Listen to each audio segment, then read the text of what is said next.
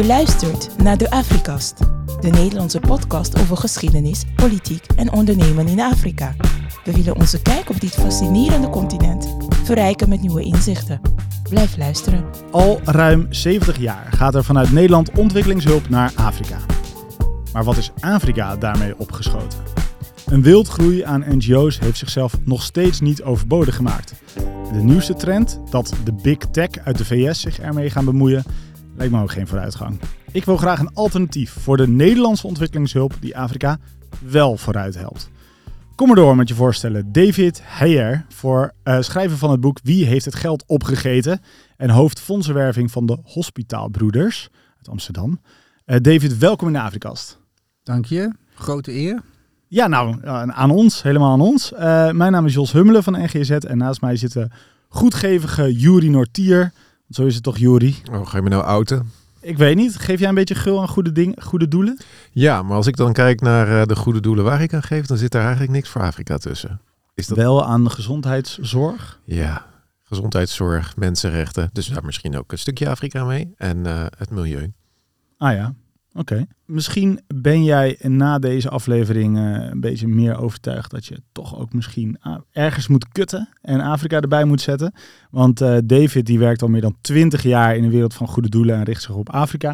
Ik heb hier een boek in mijn handen en uh, uiteraard de schitterende omlijsting van het continent. Altijd doet het altijd goed. Tenminste, dat denk ik, David. Verkoopt het een beetje, het boek? Nee. Nee? Nee. Oh, hoe kan dat? Dus toch een aantrekkelijk titel. Wie heeft het geld opgegeten ja. en dan hoe een andere besteding van Nederlands ontwikkelingsgeld Afrika wel vooruit helpt. Ja, ik zit nu op uh, de 250 of zo. Het gaat heel langzaam. Wat is het doel? Heb ik eigenlijk niet gesteld. Ik, uh, hmm. ik heb het boek geschreven. Tweeënhalf jaar geleden ben ik ermee begonnen. Ik hmm. heb eigenlijk in een diep, uh, diep dal op een gegeven moment gezeten. Omdat ik, ik kwam er niet helemaal uit. Ja. En het laatste half jaar, voordat ik het af had, dacht ik van ja, ik, ik wil het gewoon schrijven. En ik zat eigenlijk een beetje op een verkeerd spoor. Ja. En dat kwam omdat als ik op feestjes was, dan uh, zeiden bekenden en vrienden altijd van ja, vertel nog eventjes over wat je in Afrika meemaakt. Omdat ik vaak in Afrika ben geweest, denk ik een keer of 40, 45. Ja. En dan, ja, dan kun je er op een beeldende manier over vertellen. Ja. En je komt natuurlijk de meest fantastische figuren tegen. En je maakt van alles mee. Ja. Ik heb een keer ontvoerd, wat ook uitgebreid in het boek uh, terechtkomt. En toen ben ik uh, daar, die, die verhalen ben ik eigenlijk gaan opschrijven. En toen heb ik met iemand van uh, Ambo Antos gesproken. En die zei van ja, Weet je, ja, het is wel leuk. Maar ja, wie ben jij? Weet je, je bent gewoon een gast, een onbekende naam. Dus er moet wel iets meer, er moet een, echt een, een rode draad uh, in zitten. En ik sla aan op het moment dat jij je een beetje boos maakt. En je maakt je boos als het gaat over ontwikkelingssamenwerking ja. en hoe dat op een andere manier moet. Ja. En toen ben ik begonnen om dat een beetje meer te gaan structureren en daar meer over na te denken. Ja. Dus het boek is uiteindelijk toch. Ja, Vond ik ook interessanter hoor, dan een ontvoering of zo. Eerlijk gezegd. Maar je hebt echt een visie, dat vind ik wel heel dapper. En een boek, ik heb het in een week uitgelezen. Dus dat leest ontzettend uh, makkelijk door. En ik, ja, het zet, zet je gewoon op een hele soort luchtige manier aan het denken. En het is ook echt vanuit het ik-perspectief geschreven. Dus ik, uh, ik raad het gewoon aan. Kan mij het schelen. Wie zou het moeten lezen, dit boek? Heel eerlijk, toen ik, toen ik, het, toen ik begon met dit werk, hè, toen ik 15 jaar geleden voor het eerst naar Afrika toe ging, toen had je natuurlijk een aantal boeken. Op dat moment was het boek van uh, Dambisa Moyo was heel erg uh, Ja, Dead Eight. Dead Eight. Dat was het boek waar, waar iedereen het over had. Maar wat ik eigenlijk miste was een soort van bredere scope, een brede, uh, bredere visie op hoe ontwikkelingssamenwerking nou in elkaar zit. Want Dead Eight was natuurlijk maar één kleine visie. Ja, en het ging alleen maar over systeemhulp. Ja, precies. Dus in de loop van de tijd, toen zag ik dat er een heleboel meer over te zeggen is dan Dead Eight alleen. Maar ik had op dat moment, voordat ik naar Afrika ging, had ik eigenlijk behoefte aan zo'n soort boek. Nou, dat is precies mijn compliment. Want ik, ja, ik, is vast trouwens van alles geschreven wat ik niet ken, ook al helemaal in de academische wereld. Maar ik vind het dus tof dat je op een hele behapbare manier het inzichtelijk maakt. Je bent ook niet al te bang om af en toe uh, wat kort door de bocht te gaan, zeg maar. En dat is ook lekker, want dan komen we tenminste ergens. En, en je hebt echt een visie, daar gaan we het over hebben. Maar ik wil het eerst eventjes hebben aan, uh, over hoe je op die positie belandde. Want in je boek schrijf je ook uh, hoe je daar terecht bent gekomen. Maar het lijkt erop alsof je geen, toen nog geen visie had. Je had niks met Afrika en je komt in één keer in die NGO-wereld. Is dat ook zo? Niet helemaal. Uh, ik heb politicologie gestudeerd. Ja. En tijdens mijn politicologie-studie had ik een, was ik landen... Uh, volgens mij heette dat toen landencoördinator bij Amnesty International. En dan zit er natuurlijk wel een soort van politieke connectie in je eerste vrijwilligerswerk. En Ja. eigenlijk toen, na Amnesty International, ben ik altijd in die goede doelenwereld eh, blijven hangen. Dus ik heb bij andere goede doelen gewerkt, bij Diabetes bij Humanitas, bij dat soort organisaties. En op een gegeven moment kwam, kwam dit langs. Maar dacht je toen ook van, ja, dit moet ik hebben, want dit is een specifieke NGO waar ik in geloof om deze en deze reden? Of ging je het gewoon maar doen en Nee. kwam je er toen achter dat het een best goed idee Ja, was? heel. Ik, ik dacht, ik ga dit gewoon doen. Ja. Eh, ik werd aangenomen. Ik dacht van, nou, dat is hartstikke leuk. En, Ja. Ik zie het wel. Het was natuurlijk een kleine organisatie. Hè? En het was, lag meer in de loop. Kijk, ik was, ik was al best wel wat. eh, ik had natuurlijk al wat ervaring in de goede doelenwereld. Dus het lag meer voor de hand om bij een grotere NGO te werken. Maar ik kwam erachter dat voor mij dat dit gewoon perfect was. Omdat ik. Voor jou, dus Ja. niet voor Afrika. Ja, nou, precies. dat, dat moment nog Of niet per, niet per, per definitie. Nee, maar ik merkte dat ik heel veel. eh, het was, er zijn hele korte lijntjes van mijn organisatie naar Afrika toe, omdat we eh, twintig ziekenhuizen hebben daar. Dus op Ja. het moment dat je eh, op je kantoortje zit, dan heb je gewoon met twintig directeuren van ziekenhuizen te maken. Die als er een probleem is, bellen ze je op. Je kan natuurlijk als fondsenwerver Dus je hebt een zeer directe connectie eigenlijk met de problematiek waar je aan wil werken. Ja, niet normaal. En dat heb je op geen, andere, op geen enkele andere plek. Dus die, die eerste fase dacht van, nou ja, ik zie het wel hoe het loopt. Maar het werd steeds leuker. En ik ging ook voor het eerst naar Afrika toe. Ja, en toen was het natuurlijk verkocht. je bleek er nog goed in te zijn ook. dat, dat weet ik niet of ik er goed in was. Maar ik, ik heb in ieder geval, ik vond het in ieder geval hartstikke leuk. Hey, ik heb je boek natuurlijk gelezen. Er staan ontzettend veel interessante dingen in. Eh, daar gaan we het vandaag over hebben. Ook met name dus die, die voorstellen die je doet over hoe ontwikkelingssamenwerking beter kan. We hebben trouwens ook al eerder met eh, Joel voor de wind, weet je nog, in de, in de werf, Daar was ik niet bij, maar ik heb hem wel natuurlijk geluisterd. Ja. wand gemonteerd. Ja. Dus luister die nog even terug als je dat wil. Maar ik wil ook wel eventjes weten wat die hospitaalbroeders doen. Kun je een pitch van twee minuten geven? Hospitaalbroeders die ondersteunen de eigen ziekenhuizen in Afrika vanuit Nederland. Hospitaalbroeders is onderdeel van een grotere internationale organisatie. In heel de wereld zijn er 334 ziekenhuizen, dus over alle continenten. In Nederland waren er nooit hospitaalbroeders. De Ierse broeders die een uh, fondsenwervende organisatie hadden in Ierland, die keken met een, met een schuin oog naar de Nederlandse markt. 25 jaar geleden die dachten van, hé, hey, daar ligt het geld. Dus die zijn een fondsenwervende organisatie begonnen. En um, zo, is, zo is Hospitaalbroeders in Nederland gekomen. En in Nederland hebben we ons eigenlijk altijd alleen maar gericht op Afrika. Daar zijn 20 ziekenhuizen. Die ziekenhuizen hebben eigenlijk geen vet op de botten. Dus dat zag je bij ebola en bij corona. Op het moment dat er problemen zijn, dan stort eigenlijk die hele infrastructuur die stort in elkaar. Dus wat wij doen, is eigenlijk het faciliteren en zorgen dat die ziekenhuizen draaiend blijven. Het is een, is een kleinschalige katholieke NGO, ja. met name gericht op gezondheidszorg. Uh, zowel uh, ja, fysieke als, als geestelijke, maar ook een stukje onderwijs. Ja, klopt. Je zei net ook dat je bent afgestudeerd als politicoloog. Had je toen uh, je studeerde een bepaald idee bij ontwikkelingshulp? Want zo heette het toen nog. Ja, ik, ja ontwikkelingshulp, ja. Dat is lang geleden, hè? Dat ben afgestudeerd volgens mij in 96. Toen, was, toen had iedereen hulp, nog hulp is inmiddels een beetje een vies woord. Ja, dat mag je niet meer zeggen. Klopt. Wat, wat vind jij daarvan eigenlijk? Vind jij dat een goede ontwikkeling? Ik begrijp het wel. Dus ik begrijp, ik begrijp het wel. Hè. De, de, de, samenwerking is natuurlijk veel meer een soort van uh, egalitarisme. Het is meer gelijkheid en je doet het samen dan hulp. Maar ik denk dat, zeg maar ook voor dit gesprek vandaag, af en toe zal je het woord hulp wel gebruiken. Omdat het ja, op, op een bepaalde manier... Eigenlijk is het nog steeds hulp. Nee, dat, of, ja? nee dat, okay. het, het is niet echt hulp. Want hulp, dat... dat pretendeert eigenlijk dat jij als soort van white savior, dat je de dat het eenrichtingsverkeer dus dat, is. Dat, daar wil je heel ver van, van weg blijven. Ja.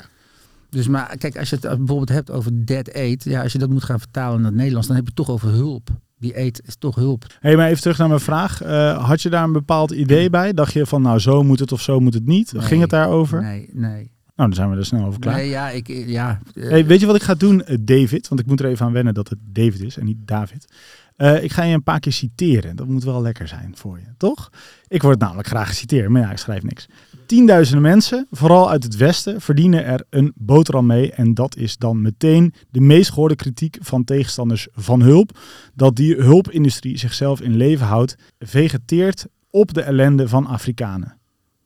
Ja. Wel heftig. Hè? Wat, wat is het percentage van ons belastinggeld dat in onze eigen zakken verdwijnt? Dat, ja. durf, ik, dat durf ik niet. Enig idee? Nou, dat durf ik niet te zeggen. Dat vind ik lastig. Ik, die, zeg maar, de, de kritiek die je nu uit, hè, Mhm. die dan... eh, die, Die jij uit? Ja, nou, die ik uit is, is eigenlijk het verwoorden van wat mensen om mij heen zeggen. Ja. Hè, die, die helemaal niks met Afrika hebben, die niks met ontwikkelingssamenwerking hebben. Die zeggen dat. En die zeggen eigenlijk van ja, er is een hele hulpindustrie is er eh, ontstaan. Ja, alleen al het woord hulpindustrie. hè? Zo ja, van, de industrie ja. is al heel vies natuurlijk. Ja. En al hulpindustrie is Ja. een vreselijk woord. Ja. Ja. Nee, ja, en dat komt natuurlijk eigenlijk in, eh, ook weer heel lang geleden. Heeft Linda Polman een, een, Ja. een boek geschreven. Dat heette De Hulpkaravaan volgens mij. Ja, En dat ging heel erg over noodhulp. En, en die karavaan trekt van crisis naar ja, crisis. Ja, precies. En, dat, en, en zij, een van haar eh, kritiekpunten was eigenlijk van ja, er is een hele parallele wereld ontstaan in Afrika. Dat is namelijk van eh, mensen die van hulpproject naar hulpproject gaan. Wat natuurlijk wel zo is, want als ergens, de, een, eh, als ergens een crisis is en die is weer over, dan ga je naar de volgende Ja. crisis toe. En die mensen die gaan van A naar B Ja. en die verdienen daar geld aan. En die rijden, hè, dat is altijd de, de beeldvorming, die rijden dan in grote voorbeeld drives. En met, met vlaggetjes Van die witte. UN. Ja. Ja, en dat, En die dat is- stappen alleen maar uit op een eigen compound. ja, en dat is dat, ja, precies. En dat is eigenlijk het beeld wat daar, wat daar een beetje aan hangt. Dus ik merkte heel erg toen ik begon met dit werk, had ik natuurlijk ook allerlei mensen om me heen die zeiden van ja, Afrika, eh, verloren continent, Ja. waarom zou je dat doen? En wie denk jij dan dat je bent, dat je het wel kan helpen? Ja, Ja, op zich goede vragen, toch? Ik bedoel, zeker, zeker. Ja, Maar- ik bedoel je, is, als, als ze mij dat zouden vragen, zou je me prikkelen en ik zou geërgerd zijn. Maar ik zou dan wel proberen uit te leggen waarom het A niet verloren is. En B, wie ik dan ben. Namelijk, ja, totale nobody. Maar ik probeer ook... Ik zat zo te wachten op een prachtig mooi verhaal. Je Nee, komt gewoon met een soort van keiharde Nee, realiteit. maar eh, dat- toch, het gaat toch over menselijkheid. En je hebt een hart voor, in dit geval, dus mensen, Ja. eh, voor de zorg in Afrika. En je doet wat je kan doen. Ja, wie ben jij dan? Ja, je kan het ook niet doen of zo. En, en een ben- game ontwikkelen of zo. Weet ik veel. Start-up. Ja. Nou ja, kijk, ik ben op een gegeven moment ook. eh, In het begin kwetste het mij heel erg. Maar ik heb op een gegeven moment heb ik me, daar, heb ik me daarvan losgekoppeld. Omdat het me niet meer uitmaakt. Omdat er zijn gewoon mensen, die kun je toch niet overtuigen. Ik ik kan wel gaan op, ik kan op de banken gaan staan. En ik kan op de tafel gaan staan. En ik kan roepen van joh, weet je wat, het is voor ons in ons eigen eh, belang. Dat we zorgen dat er een Afrika is Ja. dat ook kan groeien. Ja. Maar sommige mensen willen het gewoon niet snappen. Maar je bent wel, oké, je hebt altijd een soort, eh, je hebt altijd drie, drie soorten publiek. Hè? Je hebt het publiek, eh, die mensen waarschijnlijk die deze podcast luisteren, of, of misschien, die heb je sowieso wel mee. Hè? Die zijn al Afrika-minded, of die mensen vinden het... koop dat boek. Houden we erin. En je hebt een soort grijze massa van, nou, die zitten op de wip, hè? Dat kan, eh, het kan verkeren, die kunnen met je mee. Of, en je hebt natuurlijk altijd een gedeelte, ja, dat is aan dovermans oren gericht, PVV-stemmers of zo. Maar Ik dacht dat je Telegraaf leest zou zeggen, maar oké. Nou, dat is nog iets breder, denk ik. Maar eh, je schrijft niet voor niks een boek. Ja. En in dat boek ben je best wel ehm, wervend. Dus je gelooft wel in dat je nog mensen kan overtuigen. Ja. Waarvan wil je ze overtuigen? Ik wil ze overtuigen dat Afrika geen verloren continent is. En ik wil ze er ook van overtuigen dat ontwikkelingssamenwerking zoals we het nu hebben ingericht, dat dat op een andere manier kan Ja. en op een andere manier moet. Tof. En daarbij spelen goede doelen, waar ik zelf bij een heel klein goed doel werk, maar er zijn natuurlijk een heleboel goede doelen. Ja. Die, die kunnen daar een hele belangrijke rol bij spelen. En dat wordt een beetje onderbelicht. Ja, en nee, maar daarom complimenteer ik je ook. Want dat is altijd goed om te doen, denk ik. Dingen die onderbelicht worden eh, in het licht zetten. Je laat in je boek eh, Mojo, Sex en Easterly met elkaar praten over systeemhulp. Net had je het al eventjes over Dead Aid van Mojo. Mojo, van Mojo. Hoe, hoe gaat dat gesprek en, en, en waar sta jij eh, daarin? Mojo die had natuurlijk, eh, die, die was heel erg, die, die, zij begint haar boek en dan zegt ze van ja, er is, één, er is duizend miljard dollar is er eh, al besteed aan hulp. En Ja. wat zijn we ermee opgeschoten? En zij komt zelf natuurlijk uit Zambia en dan kijkt ze in Zambia rond en zegt ze, ja, waar is die, die duizend miljard, die is gewoon verdampt. Nou, sterker nog, het heeft ons eh, achteruit geholpen. Ja, precies. Het idee wat zij daarbij heeft is dat die hulp, dat die hulp is eigenlijk zinloos. Want die hulp die zorgt er Nee, niet- schadelijk. Die Sorry hoor, maar het is echt heel negatief. Ja, dat klopt. Ja. En ze zegt eigenlijk van, die, als je die hulp in zo'n eh, economie stort, dan is er eigenlijk geen incentive meer voor, de, voor, voor een eh, regering Ja. om te innoveren of om investeerders aan te trekken. Nou, als die investeerders niet komen, dan is er geen gro- economische groei. Ergo, eh, er is werkeloosheid. En dan heb je dus meer hulp nodig. Dus dat is een beetje dat, wat zij zegt. Hè. En het is, eh, er, er is ook wel kritiek op het Westen in, in haar boek. Want ze zegt natuurlijk ook van, ja, de, het Westen mag zich daar ook, eh, die heeft ook een be- belangrijke rol daarin. Want die hebben altijd, die kijken toch naar geopolitieke, eh, die hebben toch geopolitieke motieven. Mhm. Dus die kijken niet altijd naar van wat is het juiste om te doen. Ja. Want als het Wat, geopolitiek... wat komt ons het beste uit? Ja, precies. Ja. Dus zeg maar, daar zit wel een beetje de, de spanning eh, in, in, in dat boek. En eh, seks? Seks. Oh, Dit gaat de hele andere kant op. Nee, we, we springen, we springen Sachs. van, eh, van antwoord naar antwoord. Maar zo heftig gaan we ook weer niet de verkeerde kant op. eh. Nee, de grondlegger van de millennium doelstelling. ja, ja, ja, die zegt natuurlijk dat er een eh, armoedeval is. En eh, dat, dat komt door allerlei problemen. Hè, van, eh, van- Wat is dat, een armoedeval? Ja, dat, dat je... Oh, poverty trap. Ja, poverty Oh. trap. Ik dacht val als in je valt, maar de poverty de trap. poverty Leg trap. die eens uit. Ja, dat je dus, ehm, je zit in een hele eh, slechte situatie en die wordt niet beter, want eh, er is malaria, er is HIV, eh, het onderwijs is slecht. En hij pleit eigenlijk voor een soort mega-hulp vanuit het Westen, een soort van Marshall-hulp. En hij gaf in zijn boek aan van, joh, als het Westen echt serieus hier werk van zou Ja, maken... maak je en- één groot plan, Ja. plemp je er een paar miljoen tegenaan. Nou, miljoen, miljarden, Miljard. miljarden. En dan gaan we dit probleem oplossen. Once and for all, dat idee. Once and for all. Ja, precies. En dan heb je ook nog Easterly van White Man's Burden. Ja, ik denk dat eh Easterly aan Easterly het meeste beviel. eh, is omdat ik zie dat ik zelf bij een kleine organisatie werk. Kijk, Easterly die zei eigenlijk het belangrijkste wat, wat hij heeft. Hij is het ongeveer ge- eh, eens met die andere twee. Maar hij zegt van. Er is wel ontwikkeling in Afrika. En de vooruitgang die in Afrika wordt geboekt, komt eigenlijk van kleine grassroots organisaties. En dat is Lokale organisaties Ja, die zelf een antwoord geven op een lokaal probleem. ja, en als ik nu kijk naar wat ik, als ik nadat ik dat boek heb geschreven en probeer om dat bij al- alles eh, bij elkaar te knopen en tot een soort van conclusie te komen, dan is dat wel een van de belangrijke conclusies. En die, die conclusie die deel ik omdat ik zelf in mijn eigen werk dat heel erg gezien heb. Dat op het moment dat jij niet met lokale mensen werkt, op het moment dat je niet luistert naar wat er on the ground gebeurt, dan, heeft het, dan heeft het allemaal niet zo heel veel zin. Want het heeft geen zin om van boven allerlei plannen en allerlei thema's. Hè, want dat gebeurt natuurlijk vanuit het Westen en vanuit de Nederlandse overheid. En die, dan is, is er een nieuw thema. Dan is opeens inclusie het thema. En dan gaat Sorry. alle Het, ontwikkelings... het, westen, het Westen bepaalt een beetje waar jullie, waar jullie in Afrika Ja. eh, behoefte aan hebben. Nou, is wel interessant. Ik had eh, gisteren, dat heb je vast al gezien, op LinkedIn geplaatst. Van nou, ik ga eh, David Heijer spreken. Het gaat hier en hier over. Hoe kijk jij ernaar? En ik had iemand getagd van Buitenlandse Zaken. En die had het over, eh, die zei twee dingen. Ten eerste, eh, het westers perspectief bestaat niet. Dus ja, we zijn allemaal mensen met opvattingen en vooroordelen. Vond ik een bijzondere. Eh, omdat, ja, dan, dan, ja, natuurlijk zijn we individuele mensen, maar we hebben wel, we, we zetten een bril op die hier een beetje ook wordt gecreëerd, ook door elkaar en met elkaar. En ten tweede zei hij, waar wij nu heel erg op inzetten, is vrouwenrechten. Daar kan je ook weer van alles van vinden en dat sluit misschien aan en misschien niet, maar is dat, is dat ook niet een typisch westers perspectief?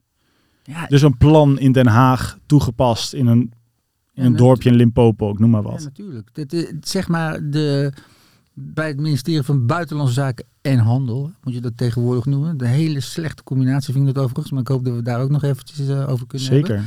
Ik heb een, ik heb een, in het boek heb ik ook een voorbeeld gegeven van een collega van mij, Kisa. En die werkt eh, eh, voor onze organisatie in Malawi. En wij hebben Mhm. daar twee grote ziekenhuizen voor mental health. En in het hele land zijn er vier ziekenhuizen die zich bezighouden met geestelijke gezondheidszorg. Ze is echt een niche in Afrika. Ja. En wij hebben daar twee ziekenhuizen die waanzinnig goed werk doen. Hij kon op een gegeven moment, kon die vanuit, ehm, eh, vanuit een grote hulporganisatie, volgens mij USAID of zo, kon hij geld krijgen. Maar er werd erbij gezegd van, luister, er moet wel een soort van klimaat-idee Oh. bij zitten. Oh, het werd gekoppeld aan een Het ander werd ge- initiatief. het- want dat zijn de thema's. Op dat moment Dus, was oké, klimaat dus was het psychische thema. eh, hulp in een, voor een psychiatrische instelling Ja. moest met een soort klimaatdoelstelling komen. ja, dus je moest dus om eh, in aanmerking te komen voor 500.000 dollar, ja, moest hij op een of andere manier moest hij het, moest hij het klimaat erin fietsen. Ja, als je het hebt over geestelijke gezondheidszorg, als je het hebt over outreach, je gaat vanuit je ziekenhuis naar allemaal kleine dorpjes, je gaat Ja. kijken naar mensen of je ze kan helpen. Ja, dan moet je opeens klimaat erin gaan. En eh, bovendien zijn ze daar misschien nog niet eens. En, wat nog veel belangrijker is, eh klimaatproblemen veroorzaken wij in het mondiale noorden. Zeker niet in Malawi. Ja, dus dat is typisch zoiets wat, wat dan in het mondiale noorden wordt bedacht. En ja, dan, die thema's, hè, die thema's zijn Ja. natuurlijk en die veranderen ook elke keer weer. Het is ook een beetje modegevoelig, want dan heb je het, eh, dan is inclusie is opeens het ding en dan eh LHBTI komt erbij en Ja, het klimaat en en vanuit, eh, vanuit de Nederlandse overheid wordt er ook heel erg daarnaar gekeken. Want nu wat jij aangeeft, zeg maar, eh, in de nieuwe Afrika-strategie is dan volgens mij is het eh, mensenrechten en vrouwenrechten. Ja, vind ik hartstikke goed. ja, kun je ook niet tegen zijn. kan je niet tegen zijn. Maar het zorgt er wel voor dat je met een hele beperkte blik ergens naar gaat kijken. En mijn kritiek daarop is eigenlijk dat je daarmee niet optimaal gebruik maakt van het potentieel wat je al in Afrika hebt. En al die organisaties die er werken. Want je bent eigenlijk heel erg met een tunnelvisie maar Ja. een heel klein onder, onderdeeltje aan het kijken. Ja. Dat vind ik jammer. Hey, je hebt met een eh, paar manieren van ontwikkelingshulp geven moeite. Eh, ik ga even van het grootste schaalniveau naar de kleinere schaalniveaus. Eh, misschien kun je er even kort over zijn hoor. Even een citaatje uit je boek. Het neoliberale beleid van de IMF en de Wereldbank had de armoede alleen maar vergroot. En wij, de NGO's, konden met particulier donateursgeld de zorg weer oplappen. Op welke manier heeft het eh, Internationaal Monetair Fonds en de Wereldbank die armoede vergroot volgens jou? De Wereldbank die geeft leningen. En dan heb je het over structural adjustments. Ja. Dus eigenlijk Lange termijn hulp. Juist, precies. Dus je wil, wat ze zeggen is, we willen een land in Afrika willen we klaarmaken voor de, voor de wereldhandel. Voor de neoliberale wereldhandel. Ja, nou, laten, we het, laten we netjes houden, hè, voor, de, voor, de, voor de handel. Dus voor de wereldhandel. Dus dat ze kunnen meedoen met, met, eh, met de wereldhandel. Nou, daar, daar horen dan een aantal eh, voorwaarden bij om eh, die leningen te kunnen krijgen. Dat gaat het over goed bestuur, vrije pers, eh mensenrechten schendingen die, die, die worden ingedampt. Het belangrijkste is dat je dan de staatsuitgaven, dat je die omlaag brengt. Voordat je die leningen kunt krijgen. En wat ik dan zag in bijvoorbeeld Sierra Leone, is dat in Sierra Leone was er onwijs gekort op de, eh, op de zorg. En dan vervolgens komen er allerlei goede doelen. En die moeten de boel weer. Ja, dat is natuurlijk een hele Dus eerst wordt de zorg geplunderd en daarna komen die NGO's die moeten in dat gat springen. Kijk, uiteraard wil een land als Sierra Leone, die wil heel graag eh, dat geld van, ehm, eh, van de Wereldbank hebben. Dat is, dat dat is duidelijk. Ja. Maar als, er je vervolgens als een voorwaarde is om heel erg op onderwijs en op gezondheidszorg te beknibbelen. En later zijn er allerlei Nou ja, goede waarschijnlijk- doelen die, met, die dus met privaat geld, want laten we wel zijn, ik kom in principe kom ik daar met een tas vol met geld van mijn donateurs. En ja, dat is natuurlijk een hele rare situatie.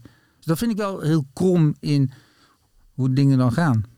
Dus vandaar dat ik het op die manier vrij eh, Stevig. lomp neer heb gezet. Ja, eh, aan het, onderaan de streep is de Wereldbank en IMF toch wel nodig. Jawel. Ze moeten alleen anders functioneren. ja, ja.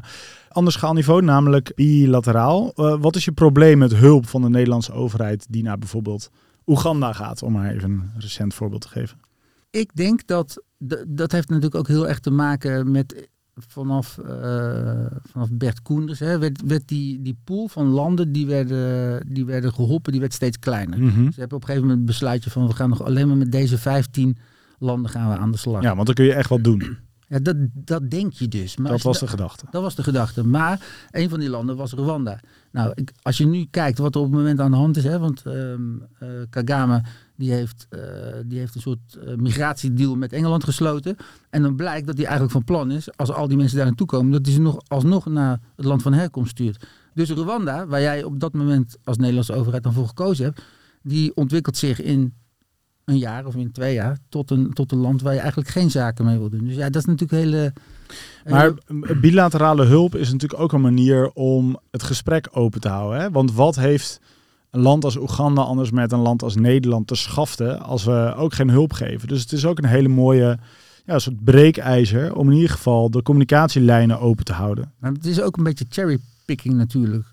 Want je, je, je kiest dan een beetje voor een, voor een. Want dat is Oeganda. Want als je in Oeganda rondkijkt, zie je waanzinnig veel. Uit allerlei landen. Uit Zweden, uit overal is er hulp voor Oeganda. Er zijn natuurlijk een aantal landen waar dat wel... Die ontwikkelingsindustrie, laat ik maar zo noemen, die trekt dat heel erg aan. Ja. Eigenlijk als een magneet. Maar als jij naar Tjaad gaat, dan zul je, dat, dan zul je die, die organisaties niet tegenkomen. Want dat is opeens een heel ander verhaal. Dus je kunt ook En goed mijn- worden in bilaterale eh, hulp binnen harken. Ja, dat denk ik wel. Maar ik denk dat, dat, dat wat het belangrijkste is, is dat de Nederlandse overheid eigenlijk, in mijn optiek, de goede doelen die in Afrika werken, dat ze die moeten zouden ondersteunen met een multiplier eigenlijk. Dus dat je ze geld gaat geven. Ja, nou daar komen Dan we komen op. we zo meteen. Hou je, hou je kruid nog eventjes droog. Dus je bent kritisch op multi- en bilaterale hulp. Eh, wat je wel toegeeft is dat de volumes en het bereik groter zijn. In je boek ben je niet heel enthousiast over particuliere initiatieven. En je rapt eigenlijk met geen woord over geld terugzendingen. Waar mijn halve, halve minor over ging. Remittances. Ja. Is je boek niet gewoon stiekem één grote fondsenwervingscampagne voor de hospitaalbroeders? Yes. Door. Want, want jullie zitten stom toevallig precies op de sweet spot volgens kenner David Heijen. Nee, nee, nee, nee, nee. nee. Want, want het is, kijk, de, de, het grote probleem van mijn organisatie is volumes. Ja. Want wij hebben waanzinnig veel goede mensen eh, in Afrika zitten. We Want hebben je zei 20, 20 ziekenhuizen. ziekenhuizen. Hoeveel landen? Negen landen. Dat is toch Maar ook niet voor de poes eigenlijk? Nee, maar we halen eigenlijk te weinig geld op. Want als je mij vier keer, vijf keer, zes keer zoveel geld geeft, dan kan ik dus vijf, zes keer zoveel doen in Afrika. En dan kan ik die ziekenhuizen. nou, ik hoop dat als jij dubbel zoveel geld krijgt, dat je meer dan dubbel zoveel Ja, kan precies. doen. Nee, Ah, Oké, uiteraard. Tuurlijk. moeten we even kritisch blijven, David. Oké, maar oké, dus jij bent wel kritisch weer over de, de volumes die je bereikt en de Ja, impact zeker. die je daardoor maakt. Zeker, zeker. En ik denk, en denk ook heel, als je heel eerlijk bent, als je eh, de gemiddelde podcast luisteraar van jullie, eh daar gaan, die zullen Die is niet- slim hoor, pas op. Ja, dat weet ik wel, maar die zullen niet de oren spitsen en zeggen, hey, hospitaalbroers, die gasten ken ik. Dus weet je, we hebben Ik ken het nog een niet. laagste- nou, precies. Maar dat vind ik juist heel leuk. We hebben een lage naamsbekendheid. Dus eh, bij donateurs, die vinden je wat moeilijker. Dus die, die lage volumes is echt wel een probleem. Snap ik. Hey, Ja. en zometeen gaan we het over eh, Trade for Aid hebben. Hate for trade. Heel chill dit. Eh, maar eerst is het tijd om de studio in Utrecht te verhuilen voor een geluid vanuit Nairobi. Alexander Valeton van HQ Media over, ja, hoe moet ik het samenvatten, het langs elkaar heen communiceren van het mondiale noorden en het mondiale zuiden. Ga je gang, Alexander. Ik word steeds radicaler en ik hoop dat dat koer op de molen is van de discussie hier. Ik woon nu al meer dan 15 jaar in Kenia en ik heb redelijk wat rondgereisd op dit continent. En hoewel ik nu een mediaondernemer ben, was ik vroeger journalist. En die manier van onafhankelijk denken en kijken kan ik niet loslaten. Sterker nog, het is een tweede natuur geworden. In die 15 jaar heb ik een omwenteling meegemaakt in mijn eigen denken. Aanvankelijk dacht ik, hulp geven is cool. En toen dacht ik, hulp geven on demand is het enige redelijke. En nu denk ik, moreel oké zaken doen, dat is het enige wat werkt. Laat me een anekdote geven die mijn denken veranderde. Ik was door de EU gevraagd om een project te verzinnen. Een verregaande inhoudelijke discussie tussen de toekomstige leiders van de EU en Afrika. Over onderwerpen die ons allemaal aangaan of in de toekomst aan zullen gaan. Dat was de vraag van hen. Dat leek me zinnig en ik ontwierp een plan. Een langdurig debat, gepland voor zeven jaar, tussen studenten van Afrikaanse en Europese universiteiten over allerlei thema's. Ze zouden elkaar leren kennen, elkaar standpunten leren begrijpen en heen en weer kunnen reizen. En vooral, er was een basis van onderlinge gelijkheid. Ik had iets heel multimediaals bedacht. En er was geld voor. De opdrachtgever, de EU, vond het fantastisch. Dus toog ik aan het werk. In Europa was het vrij makkelijk om universiteiten op het lijstje te krijgen. In Afrika was dat een stuk lastiger. Niet alleen omdat ik meteen gevraagd werd wat dat in contanten aan de universiteit zou opleveren, maar vooral deze discussie dient niet de Afrikaanse zaak en dit plan is geen Afrikaanse wens. Het is een Europese vorm om over een Europese discussie de schijn van gelijkwaardigheid te leggen. Maar het was niet gelijkwaardig, want Europa betaalt en Europa bepaalt de spelregels van deze discussie. Uiteraard vroeg ik dan wat de Afrikaanse wens zou zijn, hoe het voor Afrika relevant zou kunnen worden en hoe het voor de toekomstige leiders wel acceptabel zou zijn. En veel verder dan geld kwam het niet. Later sprak ik ook met de studenten van deze universiteiten. Die hadden min of meer eenzelfde sentiment.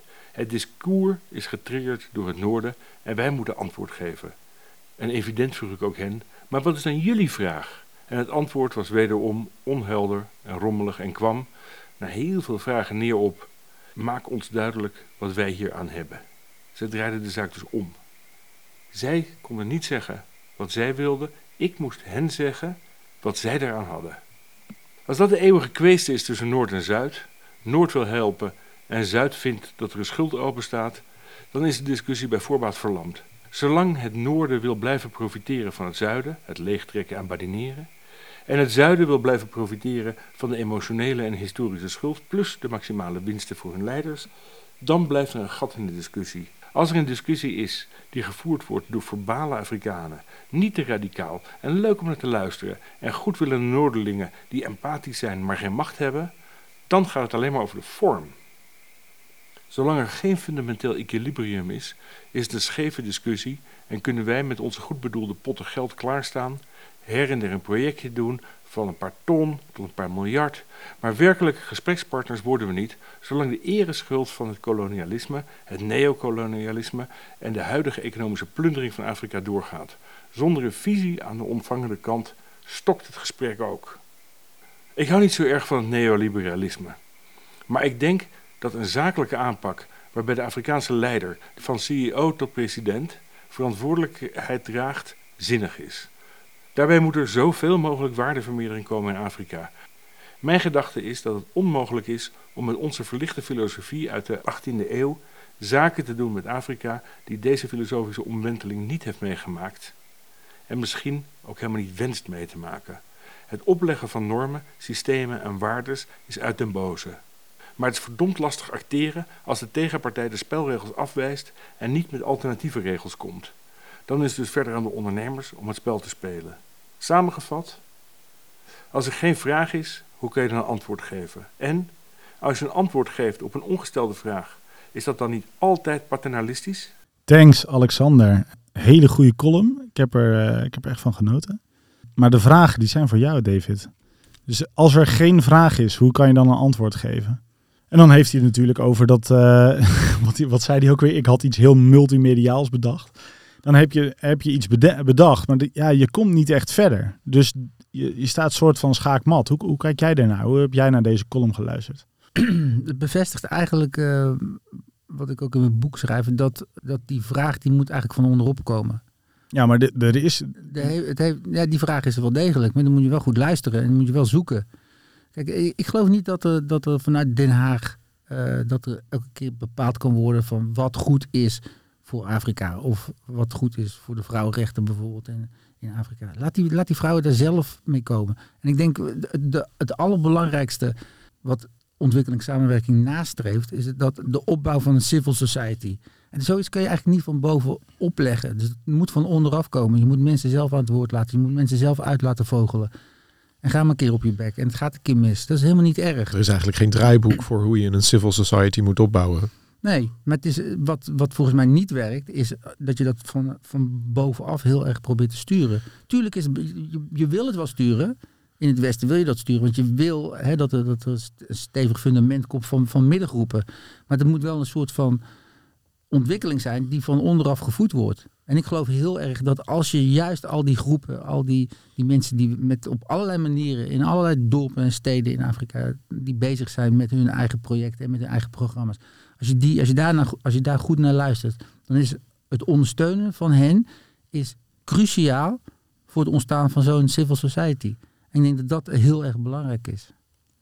En hij zegt, als je antwoord geeft op een ongestelde vraag, is dat niet altijd paternalistisch of maternalistisch, wat je wil? Ja, dat denk ik wel. Want hoe, hoe doorbreek je dan? Uh, want hij, hij uh, Alexander zegt ook van ja, uh, je staat een beetje schaakmat. Hè? Dus je hebt dat, dat neoliberalisme, je hebt de huidige, huidige plunderingen nog steeds, je hebt de ereschuld. Op welke manier kun je überhaupt in een, in een gelijkwaardig gesprek belanden met al die bagage? Als je kijkt naar de opmerking die je dan vaak hoort, hè, van hulp heeft geen zin. Het heeft allemaal geen zin gehad. Dan gaat het volgens mij elke keer terug naar die afhankelijkheidseconomie die is niet opgelost. Het zuiden is nog steeds afhankelijk van het noorden. Eigenlijk is het te bizar dat al in de jaren 60 en 70 Jan Timberger, professor Jan Timberger, die, zei, die liet al zien van waar het scheef ging, waar het misging.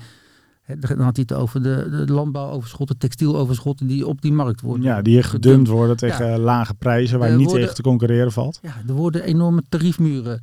Ja, dus als Afrikaanse landen willen exporteren, dan komt er wat bij. En dan pas komt op de Europese markt, dus hele dure producten. Ja, en het beschermen door uh, met landbouwsubsidies van je eigen markt. Ja, als je nou als overheid, als je nou als je daarvoor zorgt dat dat wordt opgelost, dat dat er niet meer is, dat er een, hoe zeg je dat tegenwoordig, een level playing field komt, waarbij een eerlijke kans voor Afrikaanse handel is. Ik denk dat je dan een heel stuk opschiet. Maar die afhankelijkheidseconomie, die moet aangepakt worden. Als je, dat, als je die ongelijkheid niet aanpakt, ja, dan gaat het niet veranderen. En dan kan je er nog zoveel hulp tegenaan gooien. Dan kan je er nog zoveel ontwikkelingssamenwerking Ja, tegenaan dat denk ik, gooien. ja.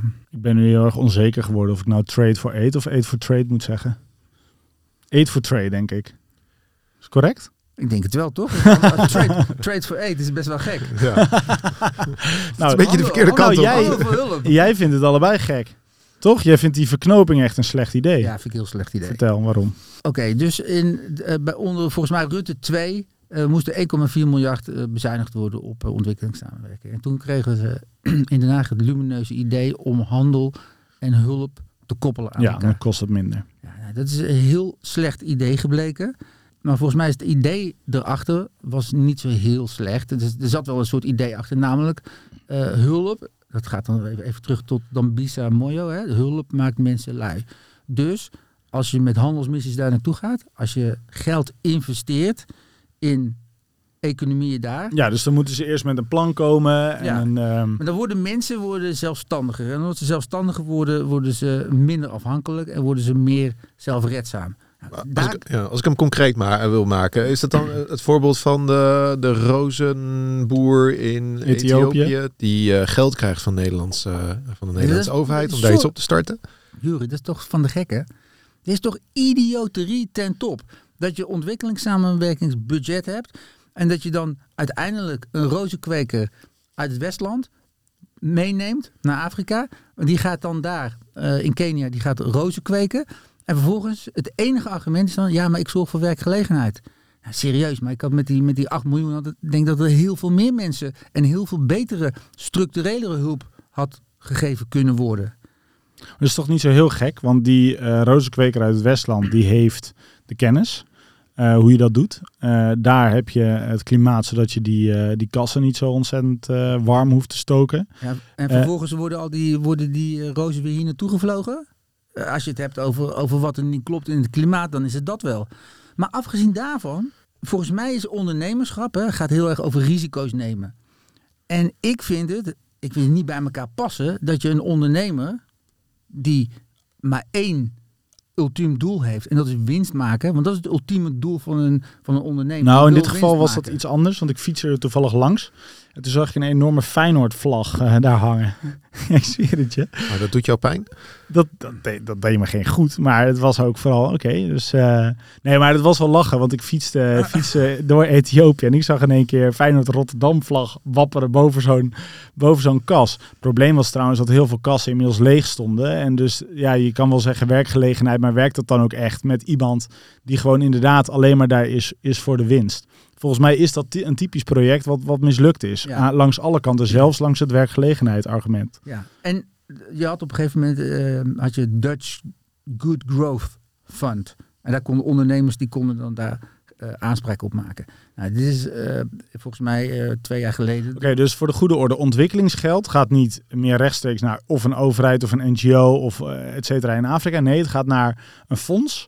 En ondernemers in Nederland, die kunnen daarin graaien als ze een goed plan hebben om uit te voeren in Afrika. Ja.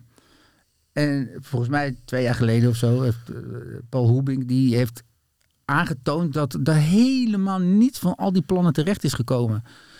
Maar afgezien van, van, van of je erover nadenkt dat, dat, het een- dat het zou kunnen werken, vind ik gewoon dat ondernemers, het ultieme doel van een, van een ondernemer is winst maken. Dus wat- dan heb je daar helemaal niets te zoeken. Want, want hoe ben je dan die mensen daar eh, in je werk aan, hoe probeer je dan mensen daar Nou, dat hoeft natuurlijk niet te zijn. Hè? Ik bedoel, mijn ultieme doel in mijn werk is de- ja, dat ik wat verdien.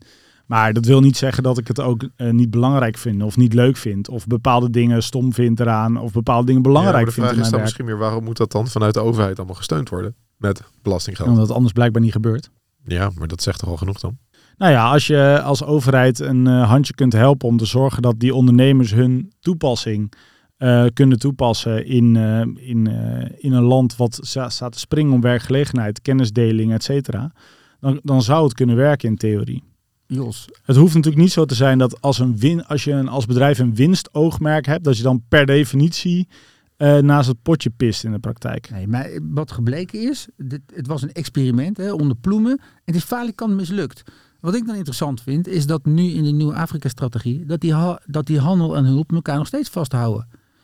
In mijn ogen is het gebleken dat dit niet, dat het niet echt heel goed heeft gewerkt. En ik geloof ook niet dat het goed gaat werken. Maar goed, hey, hold your horses. Want ik ben gewoon een oude Jan Pronk eh, adept. Hè, en ik vind dat... Jan dan- Prong moeten we een keer uitnodigen en- hier ook. En dan leuk. denk ik van, eh, dan heb je het wel over hulp. Hè. In de jaren 70 werd natuurlijk nog over hulp eh, gesproken. En dat staat voor mij, als je dat dan tegenwoordig samenwerken noemt, hè, de- het staat voor mij heel erg ver af van samen met ondernemers in een handelsmissie naar Afrika toe gaan.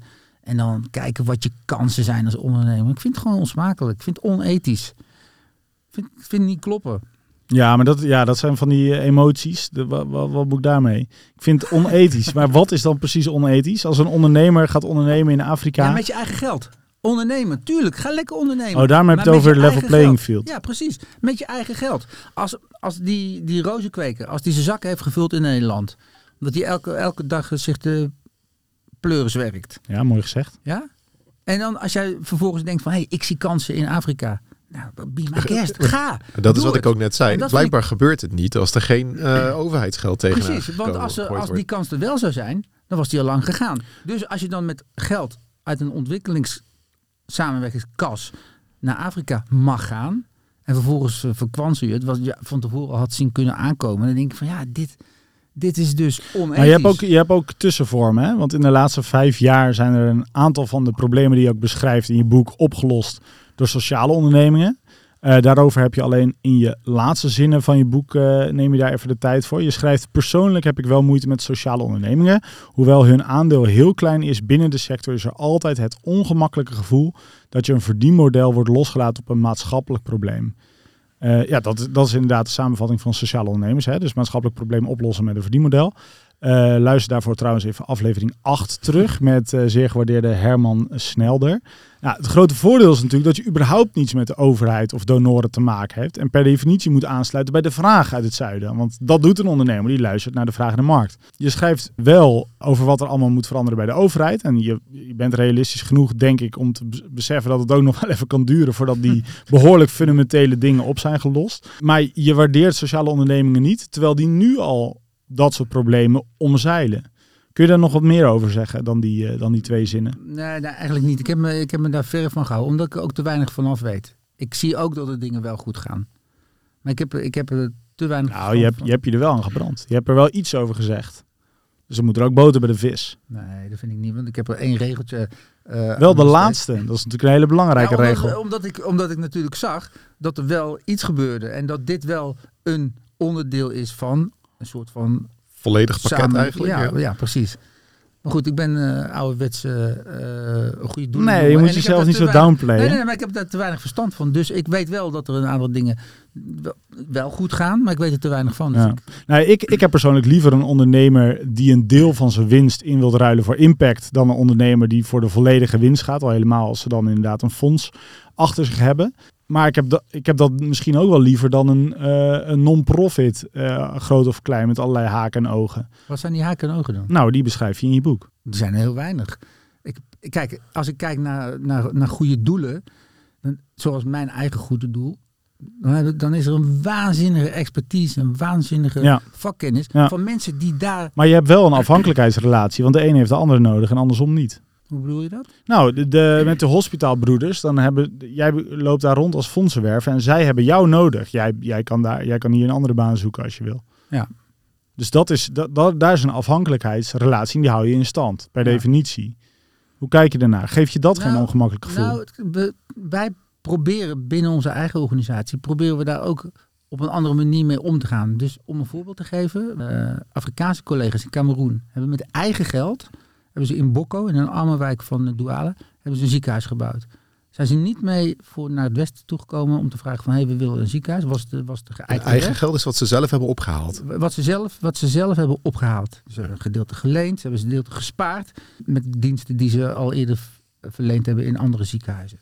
Dus ze hebben met eigen geld hebben ze dat ziekenhuis in Bokken opgebouwd. Vervolgens hebben wij ehm, via een fonds hebben we geld geïnvesteerd. En we hebben gekeken, we hebben gekeken naar waar verdient zo'n ziekenhuis nou het meeste geld mee? Want ze, zorg in Afrika is niet, is niet gratis natuurlijk. Nee. Dus waar verdien je nou het allermeeste mee? Nou, dan heb je het over een röntgenapparaat. Voor hun is dat een enorme investering. Dan hebben we gekeken, hebben we een soort van model gebouwd. Hebben we gekeken van wat zijn nou de, wat is het instrumentarium als je een nieuw ziekenhuis hebt waar je het meeste geld mee kunt verdienen. Nou, er kwam een hele rits uit. Maar dat, dit is bijna een investering die je doet. Want het is een investering die zich uitbetaalt. Dus dat is al meer ondernemend gedacht dan hoe NGO's vaak denken. Want die denken niet wat levert het meest op. Die vragen zich af wat de meeste impact maakt. Hoe help je de meeste mensen? Dus Ja. dit, is, dit voorbeeld is eigenlijk een voorbeeld van hoe, hoe je juist met een ondernemende geest kan kijken. In dit geval van, van Cameroen. Zodat je de problemen ook oplost. Ja, ik wil, laat me het verhaal afmaken, want Ja? het is interessant. Omdat de afspraak die wij gemaakt hebben met onze collega's in Cameroen is... Jullie krijgen van ons dat geld. kwam via, via een fonds, vermogensfonds. Jullie krijgen dat geld. En jullie maken een berekening hoeveel geld je per jaar opzij kan zetten... om zelf een charityprogramma op te zetten in die arme wijk... om gratis moeder- en kindzorg te kunnen geven. Nou, toen kwamen ze met een berekening, bleek 25.000 euro te zijn. Dus dan wordt er nu gezorgd van, oké, binnen een jaar heb je 25.000 euro gespaard met de winsten die je gemaakt hebt van die dure apparatuur. En eh, de verantwoordelijkheid, of de ver- verantwoording voor dat project ligt ook bij hen. Ze zijn er zelf mee gekomen. Eh, we hebben een, een soort van slim businessmodel hebben we neergelegd. Maar in plaats van alleen maar te zeggen van hier heb je de instrumentarium, hier heb je de röntgenapparaat en veel succes ermee. Kijken we ernaar van oké, hoe kunnen we hun nou Ja. involven en ook zeg maar meer meenemen in het idee van we doen dit samen. Het is niet alleen maar je handje Ja, ophouden. precies. Maar dat is wel de uitzondering op de regel van wat de hospitaalbroeders vaak doen. die ontwikkeling die is echt wel gaande Ja. in goede doelen. Dus dat wordt steeds meer, want ondernemen denken, dat, dat klinkt, ik weet niet hoe dat bij jou klinkt, maar voor mij klinkt dat heel positief. Ja. Want je kijkt hoe je zeg maar de business case zo rond mogelijk ma- eh, krijgt. En als dat niet helemaal rondkomt, of dat er een investering nodig is of een lening, dan kun je met elkaar, eh, dan heb je het erover. En dan is dat is ook veel minder afhankelijk. Dan is het gewoon, hey, ik heb nog één zetje nodig, of kun je het rondkrijgen? Ik krijg het een jaar later, krijg je het weer terug en dan kan je het weer ergens anders in investeren. Dat is, eh, daar hebben we ook Jasper Klapwijk over gesproken. Investeren in de, in de eh, gezondheidszorg, ook met Nederlandse innovators. Ja, dan kom je samen verder. Dat is heel anders dan. Ja, want ik, je had het net over eh, dat je een ongemakkelijk gevoel krijgt. Maar ik kreeg een beetje een ongemakkelijk gevoel toen je in je boek beschreef dat je, van, dat je rond werd gereden van dorp naar dorp. En dat al die chiefs je een hulpvraag stellen uiteindelijk. En je schrijft ook van ja, dat, dat zou ik ook doen in hun geval. Maar ja, dat is ook logisch, want jij bent fondsenwerver. Dus per definitie zorg je dat geld uit het mondiale noorden naar het mondiale zuiden stroomt. Ja. Maar dat is, ja ik, ik, ik, ja, ik denk dan toch, is dat wel een gezonde en gelijkwaardige relatie uiteindelijk. Ik vind, ik vind het interessant dat je dit. ehm, eigenlijk besefte ik niet zozeer dat zeg maar de, het, sociale, het sociale gedeelte, hè, of de, dat, ehm, wat ik in mijn boek links heb laten liggen, dat we dat als soort van geïncorporeerd hebben. Hoe bedoel je het sociale gedeelte? Nou, die twee regels die ik er aan had, eh, hoe noem je dat? Oh, sociale Ja, onderneming. sociaal ondernemen. Dat dit is eigenlijk ook een beetje sociaal ondernemen. Ik heb een ander, Zeker. ik heb een ander voorbeeld. Ik ben op dit moment bezig met een aantal eh, dokters van het uh, Meander ziekenhuis in Amersfoort. Ja, heel goed ziekenhuis. ja goed. Is mijn zoon ziekenhuis. geboren. Te gek? Ja, Echt waar? ja. Ja, mooi. Die orthopedie unit. En die gaan met zes eh, artsen gaan ze naar het ziekenhuis van ons in Ghana, in Asafo. Dus ver weg, eh acht uur rijden van, eh, van Accra. Wat we daar gaan doen is het volgende. Zij gaan een orthopeed, Afrikaanse orthopeed, gaan ze opleiden. Dus ze gaan twee weken daar naartoe. Ze gaan daar opereren, hakken, snijden, zagen. We doen ook orthopeed, Ja, dat doen ze zeker. en ze gaan die orthopeed, die gaan ze, gaan ze opleiden. Om te laten zien van, op deze manier kun je effectief eh, hulp of zorg geven. Nou, die orthopeed, die wordt door ons betaald. Dus wij betalen het salaris van die orthopeed. Heeft hij dat nodig? Oh, die Afrikaanse orthopeed. Ja, die, oh, sorry, sorry. sorry. Nee, die, die, Niks gezegd. die, die eh, Nederlandse artsen, die gaan op vrijwillige basis. Ja, heen. tof. Dus zij gaan die orthopeed daar opleiden. Wij betalen het salaris van die, eh, van die orthopeed. Maar wat er feitelijk gebeurt is dat dat ziekenhuis in Asafo wordt eigenlijk een soort van magneet op allerlei patiënten van, van heel ver weg. Die van, uit, van 100 kilometer, 200 kilometer vandaan komen. Die komen daar naartoe. Want het is het enige ziekenhuis in dat gedeelte van Afrika of in dat gedeelte van Ghana waar die orthopedie, eh, waar dat orthopedie specialisme is. Dus het ziekenhuis gaat ook geld verdienen. Dus in, in zekere zin is de investering die ik doe in een orthopeed is ook een so- sociale onderneming in zekere zin. Want ik investeer in mensen, ik in- investeer in zijn, zijn kennis. En vervolgens kan het ziekenhuis, ons ziekenhuis, daar in Afrika, kan meer geld verdienen omdat er een uh, Ja, ze orthopedieafdeling is investeren met impact. Alleen Ja. de impact is dan inderdaad niet alleen maar wat doet het goed, maar ook wat doet het op financieel vlak. Ja. eh, Oké. Je had al even geteased. We gaan het zo meteen hebben over de multiplier. Een idee van eh, David Heyer. Eh, voordat we daarop vooruit blikken, eh, wil ik eventjes wat vragen. Want wij zoeken naast NGZ een sponsor. Wie wil met ons een serie ontwikkelen? Eh, heb je een tof idee? Eh, wil je een paar sprekers in de Afrikast? Wij, zijn, wij staan ervoor open natuurlijk. We houden natuurlijk wel redactionele onafhankelijkheid. Maar zoek ons even op via LinkedIn, de Afrikast. En dan komen we in contact. Hey, een betere besteding gaan we het over hebben. Wat ik heel tof vind aan je boek is dat het ten eerste leest als een trein. Is heel erg persoonlijk. En er zitten heel veel verhalen in. Je bent echt een verhalen vertellen. Dat kan je, kan je echt lezen. Maar je, hebt, je voegt ook een stukje theorie eh, toe. Met concrete voorstellen. Eentje die ik dus nog nooit had gehoord. En eh, die ik wel tof vind is de multiplier. Daar gaan we even uit. De multiplier. De multiplier. Oh, kijk, wat vet. De multiplier. Ja. De multiplier is eigenlijk een ehm, geldverdubbelaar. Maar dat willen we Ehm, allemaal wel. Ja.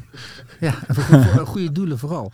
Kijk, als goede doelen die halen zelf geld op bij hun achterban.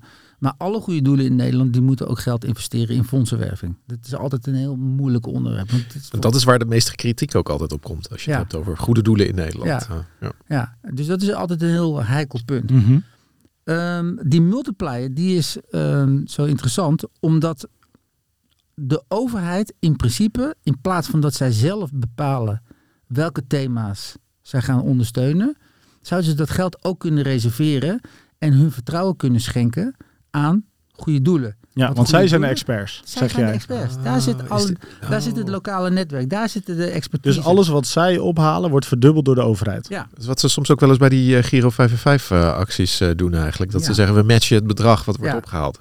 Dus om een simpel voorbeeld te geven, als mijn organisatie in staat is om in een jaar 1 miljoen euro op te halen, dan wordt het door de overheid. Door Mag ik mag ik zeggen? 2 miljoen. Yes. Haha, snelle rekenaar hè? Maar, Jos, de rekensom is eigenlijk nog iets anders. Want om die 1 miljoen ehm, binnen te harken, heb ik geld geïnvesteerd in fondsenwerving. Maar door die geldverdubbelaar is die 2 miljoen is eigenlijk veel meer waard geworden. Want daar, ik heb daar helemaal geen moeite voor hoeven doen. En voor de overheid is dit perfect, omdat zij vertrouwen, zouden moeten vertrouwen. Maar dat is altijd het probleem met de, met, met de overheid natuurlijk. Hè. Als je het hebt, de overheid wantrouwt zijn burgers. Kijk naar de toeslagenaffaire. Daar komt al die ellende vandaan. Als de overheid goede doelen zou vertrouwen en zou denken van daar zit de expertise, daar zit de knowledge. Dan zijn, dan zijn we ook af van al die bureaucratie. Zitten er Ja, ook oh, dus al die rechtse partijen zijn helemaal fan van dit idee. Nee, al de rechtse partijen die willen dat we zo snel mogelijk stoppen met ontwikkelingssamenwerking. Maar dit is toch juist, je laat de, de, de markt. Je, decentraliseert het. Je laat Nee, de markt de- eigenlijk over. Oh ja, oké. Populistische partijen zeggen van kijk lekker naar Nederland en laat, laat Afrika het uitzoeken. Dus dat denk ik niet. Jammer. Ja. Nee, maar jij hebt het over liberale partijen zoals de VVD of zo. Ja, ook. Zou die hier niet voor te porren zijn? Ik weet het niet. Wist je dat je die nodig hebt tegenwoordig? Ja. Ja, dat is misschien een nadeel. Hey, Maar, er zit, maar, eh, maar, nog iets, hè? Dat, zeg maar, ik geloof heel erg dat de echte innovatie en de echte ideekracht, die zit daar in het zuiden. Die mensen die moeten dag en nacht zijn ze met problemen bezig, maar ook met oplossingen. En ik geloof gewoon niet dat er iemand in Den Haag op een kantoor, in, eh, op een kantoor met een Excelletje, dat die kan bepalen van Nee, wat nee. is nou de beste manier. Zitten er ook nadelen aan, aan de multiplier? Multiplier alleen maar voordelen. Kijk, dat kan het natuurlijk zijn dat je als overheid geld geeft, namelijk het, fonds verdubbelt, van een of andere obscure NGO dat later in opspraak komt. Dan moet jij als overheid uitleggen van, hé, hey, daar zaten, weet ik veel, eh, medewerkers eh, die... eh, Jos, hoe erg is dat? Moet je kijken wat er met de toeslagenaffaire is gebeurd. Maar de overheid kan helemaal niks uitleggen. Ze kunnen zich helemaal geen bel vallen, omdat alle partijen zijn relatief klein en die kunnen geen, niet in opspraak komen, die kunnen het niet meer uitleggen. De overheid legt überhaupt niks uit. Dus als er één van die NGO's een uitgeleide maakt, dan hang je. Dat denk ik niet. Dat, dat is de, de, het grote probleem met werken met de overheid, is dat de overheid altijd uitgaat van wantrouwen. Dat is ook de regel. Dat is, ook, dat is ook waarom er zo'n enorme bureaucratie ontstaat. Het is natuurlijk gewoon een bureau- bureaucratisch gedrocht geworden, omdat je zoveel rapportjes moet maken. Je moet bewijzen dat je het niet verkeerd doet. Ja. En dat is natuurlijk een omgekeerde bewijslast. Hey, en eh, als je een kleine. Ik zit gewoon een beetje in scenario's te denken. Hè? Want, de- want zo'n, al, zo'n generieke maatregel zorgt natuurlijk altijd dat er bepaalde nadelen bij komen. Jij zegt misschien wel, ja, die neem ik op de koop toe. Want eh, ja, anders moeten we allerlei van die uitzonderingregeltjes maken. Maar als er nou eh, een, een een of andere stichting iets heel specifieks doet. en daarvoor, daarvoor eigenlijk nauwelijks geld ophaalt of zo. dan hebben ze dus niks aan die multiplier. Is dat niet een enorm nadeel bijvoorbeeld? Ja, maar ze hebben nu ook niks aan, want ze krijgen toch geen geld. Ja, dus voor- voor hem verander je niks. Nee, voor hen verander je niks. Hey, ehm, we hebben het al even Maar gehad. mag ik nog, een, nog, nog even een actueel voorbeeld eh, noemen? 100%. Eh, de, de oorlog in, ehm, eh, in Gaza. Gisteren was in het nieuws dat eh, minister Bruin Slot, die, ehm, die heeft opgeroepen, die riep van, we gaan kinderen uit Gaza gaan we hier naartoe halen om ze zorg te geven. Nou, vervolgens Pim Kraan, de directeur van Save the Children, die roept van, joh, het is helemaal niet, überhaupt niet met goede doelen gecommuniceerd. Dat is, dus, dat is dus heel raar. Dus de overheid of de minister of op, iemand op het ministerie die roept, van, die roept iets voor de bühne van ja, we gaan dit doen. Terwijl Save the Children en al die andere organisaties, die hebben daar honderden, honderden mensen zitten. Die snappen precies wat het probleem is. En die weten ook, en dat maakt de Save the Children ook duidelijk, die weten dat je die kinderen niet zomaar hier naartoe kan halen. Want het is super ingewikkeld. Dus er wordt ook matig gecommuniceerd tussen overheid en instellingen. En de overheid onderschat misschien ook wel organisaties als Save the Children. Ja, dat denk ik. Terwijl hij zegt letterlijk Save the Children en hij had nog niet aan Save the Children gedacht. Ik zeg er eventjes bij, het is vandaag 1811. We nemen het eh, van tevoren op. Ik weet niet precies wanneer die uitkomt. Laten we hopen en bidden dat de oorlog in, eh, in Gaza eh, dan eh, voorbij is. Of in ieder geval eh, eh, dat, die, dat, dat, dat ze elkaar niet meer eh, uitmoorden. Want dat is gewoon verschrikkelijk. Hey, eh, we hebben het al even gehad over het verknopen van handel met hulp. Eh, laten we even kijken naar de rol die de overheid zou moeten pakken. Jij hebt het over geen uitvoerende taken, maar ondersteuning met een politiek raamwerk. Leg even uit. Ja, dat is eigenlijk waar we het al over gehad hebben. Eh, Jan Timbergen, landbouwoverschotten, eerlijke handel, weghalen van die tariefmuren. Ik denk dat, dat de overheid of het ministerie van Buitenlandse Zaken en Handel, die zou zich, die zou dus eigenlijk moeten faciliteren dat goede doelen op een goede manier kunnen werken. En die zou moeten zorgen dat er een rechtvaardige, een rechtvaardige systeem is. En nu kruipen ze eigenlijk in de huid van mega eh, goed doel. Hè? Want we gaan ook eh, hulp geven. We gaan ook hulp geven aan het zuiden. Ja. Eigenlijk dat- concurreren ze met jullie. ze geven eigenlijk belastinggeld op een verkeerde manier uit. Geld wat eigenlijk op een andere manier Ja, beter want, bij de eh, bron Ja, kan dat komen. denk ik wel. Ja. Hey, wat, wat je overal hoort in de zorg, bij de politie en eh, waar een zekere partij groot is mee geworden, is dus die bureaucratie door middel van rapporten. Dat, eh, dat, dat je daarmee zogenaamd vertrouwen wint. Jij zegt begin maar gewoon met vertrouwen. Scheelt een hele hoop tijd en geld. En de NGO's die zijn de expert. Tegelijk eh, gebeurt het werk vaak ver weg en is de doelgroep vaak best kwetsbaar. Dus het is ook ergens wel logisch dat je eh, eh, de boel in ieder geval papier wil zien en liefst gekwantificeerd wil hebben. Kan je, ja, vertrouwen is natuurlijk goed, maar kun je er iets genuanceerder naar kijken? Die NGO's die kun je natuurlijk niet zomaar een carte blanche geven. Het probleem volgens mij is dat verantwoording afleggen voor goede doelen is dan een doel op zichzelf geworden. Daar zit volgens mij de... de, de Ja, maar ga je het dan helemaal niet doen? Jawel, maar we- goede doelen worden al zoveel Gecheckt. gecheckt. Je hebt een, een ambistatus, je hebt een CWF.